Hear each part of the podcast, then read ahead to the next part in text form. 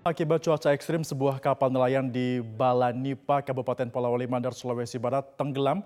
Pemilik kapal mengalami kerugian hingga puluhan juta rupiah. Inilah pemirsa rekaman video amatir saat sebuah kapal nelayan tenggelam di Desa Bala, Kecamatan Balanipa, Kabupaten Polawali Mandar, Sulawesi Barat. Kapal ini tenggelam setelah mengalami kebocoran pada bagian lambung kapal akibat dihantam gelombang setinggi 2 meter. Akibatnya sejumlah peralatan kapal serta alat tangkap dan jaring mengalami kerusakan. Pemilik kapal dibantu warga sekitar telah berupaya menarik kapal ke pinggir daratan, namun terkendala oleh cuaca dan gelombang besar. Untuk menghindari kerugian yang lebih banyak, pemilik kapal mengevakuasi barang berharga yang masih sempat diselamatkan ke, untuk menuju ke daratan. Sebelumnya tenggelam atau sebelum tenggelam kapal ini diparkir di dekat dermaga desa setempat karena kondisi cuaca ekstrim pemilik kapal berusaha memindahkan ke tempat yang lebih aman. Namun saat dipindahkan, kapal diterjang gelombang laut hingga akhirnya miring dan tenggelam. Banjir melanda sejumlah daerah di pantai utara Jawa Tengah. Daerah-daerah banjir tersebut antara lain Jepara, Kudus, dan Pati. Banjir yang terjadi di Jepara ini diakibatkan luapan sungai Wulan dan banjir kiriman dari wilayah Kudus.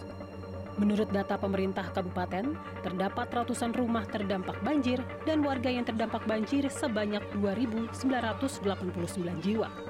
Pemerintah Kabupaten Jepara akan melakukan pemetaan dan penataan ulang tanggul yang ada di Desa Dorang agar Sungai Wulan tidak meluap yang mengakibatkan banjir.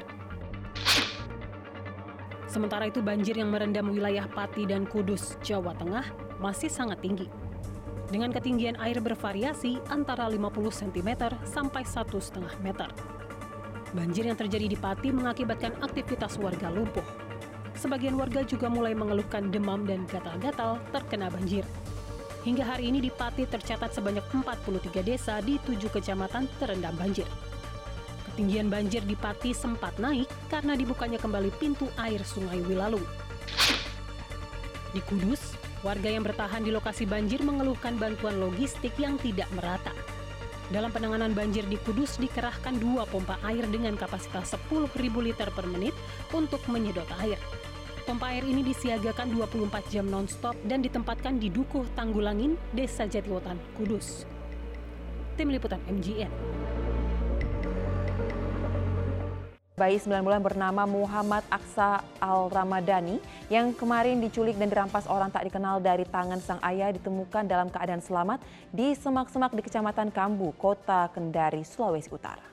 Mardiana, ibu dari bayi Aksa tak kuasa menahan tangis saat tiba di Rumah Sakit Bayangkara Kendari. Mardiana langsung sujud syukur ketika mengetahui anaknya dalam keadaan selamat. Aksa langsung diserahkan kepada Mardiana dan dokter juga langsung memeriksa kondisi kesehatan Aksa.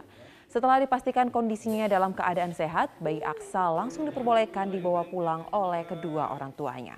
Kapolresta Kendari, Kombes Pol MEK Faturrahman mengatakan, bayi tersebut diduga dibuang pelaku saat melarikan diri dikejar tim Baser 77 Satreskrim Polresta Kendari. Pelaku penculikan yang sudah diketahui identitasnya tersebut kini masih dalam pengejaran tim gabungan. Keterangan dari anggota kami uh, dipikir sudah meninggal dunia, tapi ketika diangkat masih bergerak. TKP-nya di mana, Bunda? Lokasinya di daerah Jalan Boulevard, seputaran kampung sana.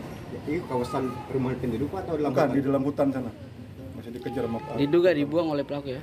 Uh, ketika ada tahu ada petugas datang ditinggalkan. Nah, ini kami masih kejar karena itu dalam apa daerah uh, sawah tuh ya pegunungan. Iya, iya. Pemirsa di tahun ini masyarakat Indonesia akan disuguhkan dengan beragam konser musik dari musisi tanah air hingga mancanegara. Hal ini membuat tahun 2023 menjadi kebangkitan konser musik di tanah air. Pandemi COVID-19 yang melanda dunia dalam dua tahun terakhir berimbas pada lesunya ajang seni pertunjukan termasuk konser musik. Namun, pada pertengahan 2022, pemerintah Indonesia mulai mengizinkan diselenggarakannya pertunjukan musik. Momentum tersebut membuat acara konser atau festival musik mulai diselenggarakan. Pengumuman bahwa dicabutnya PPKM membuat konser musik semakin menggeliat di tahun 2023. Sejumlah konser besar dari musisi tanah air hingga mancanegara akan diselenggarakan tahun ini. Mulai dari konser Sheila on Seven Tunggu Aku di Jakarta hingga konser Blackpink yang bertajuk Born Pink World Tour Asia akan mewarnai pertunjukan musik di tanah air. Tidak ketinggalan, festival-festival musik yang menghadirkan ratusan musisi juga akan disuguhkan di tanah air. Mulai dari festival musik metal, Hammer Sonic, hingga festival lintas genre seperti Pesta Pora atau Synchronized Fest. Namun, meski PPKM dicabut, masyarakat serta penyelenggara diharapkan untuk tetap mematuhi protokol kesehatan. Pemirsa biografi milik Pangeran Harry, Duke of Sussex yang berjudul Spare akan resmi diterbitkan pada 10 Januari mendatang. Buku biografi tersebut akan menceritakan secara lengkap keputusannya melepaskan tugas kerajaan Inggris dan pindah ke Amerika Serikat.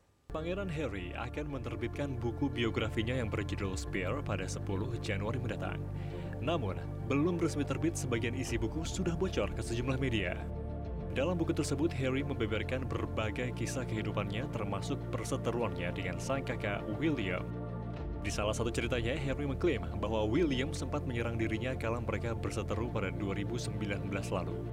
Perselisihan tersebut dipicu perkataan kasar William yang menyebut bahwa istri Harry, Meghan Markle, merupakan perempuan yang rumit, tidak sopan, dan kasar. Sementara itu, Pangeran Charles, yakni ayah dari Pangeran William dan Harry, mengkhawatirkan perseteruan kedua anaknya tersebut.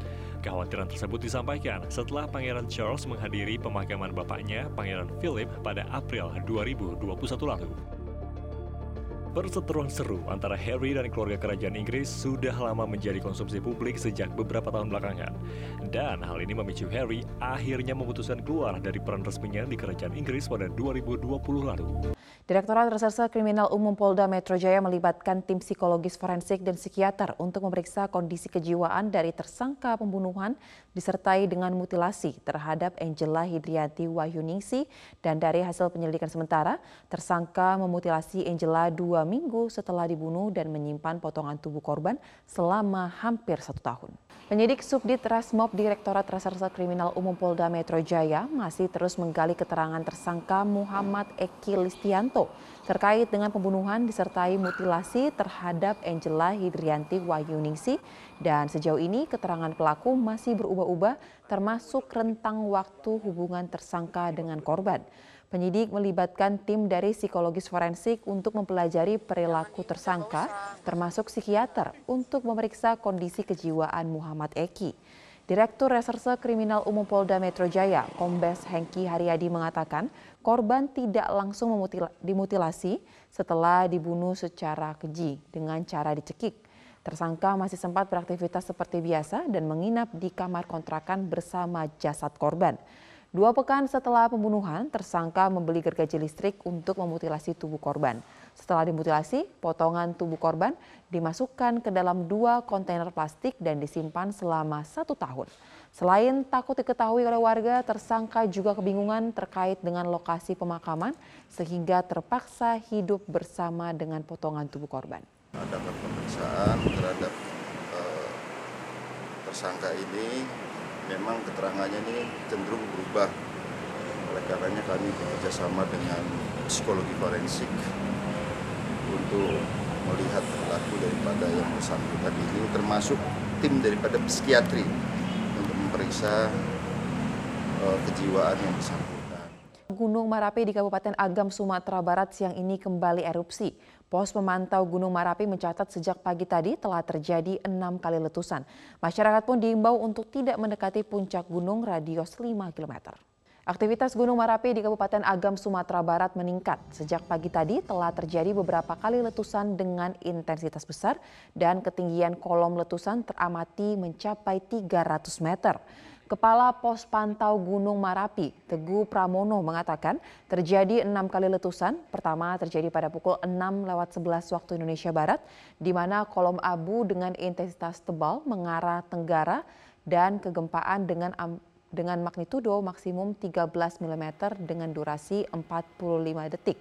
Gunung Marapi merupakan salah satu gunung berapi paling aktif di Sumatera Barat yang memiliki ketinggian 3000 191 meter di atas permukaan laut. Dan saat ini status Gunung Marapi level 2 atau waspada. Masyarakat dan wisatawan tidak dibolehkan untuk mendaki Gunung Marapi dengan radius 3 km. Erupsi pertama pada pukul 06 lewat 11 ya. Indonesia bagian barat teramati kolom asap setinggi 300 meter dari puncak condong ke arah tenggara timur laut. Hmm. Kemudian yang kedua pada 944 amati kolom asap 200 meter dari puncak condong ke arah tenggara. Ya. Yang ketiga pada pukul 10.34 amati asap 350 eh, 250 meter dari puncak